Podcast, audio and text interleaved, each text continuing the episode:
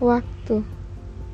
Tak terasa ya, sang waktu berjalan begitu cepat, padahal terasa seperti kemarin. Aku bermain mengikuti kakak perempuanku.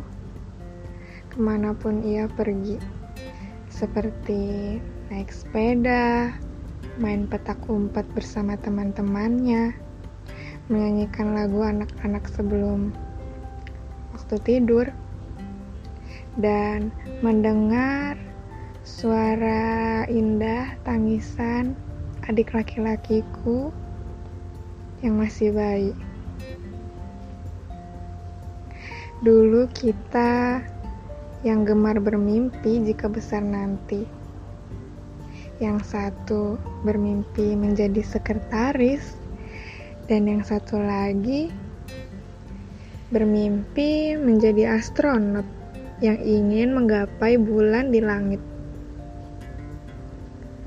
Coba tebak siapa yang mempunyai cita-cita seperti menggapai bulan. Hmm, ya tentu saja aku, manusia aneh sejak kecil. Sungguh aku merindukan masa-masa seperti itu.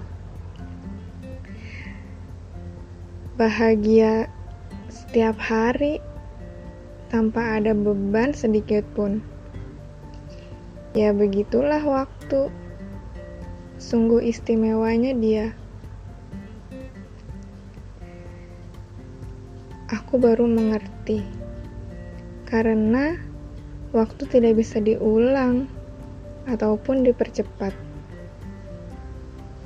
Alasannya ya supaya kita bisa menghargai setiap detiknya waktu yang begitu berharga sebelum ajal menjemput.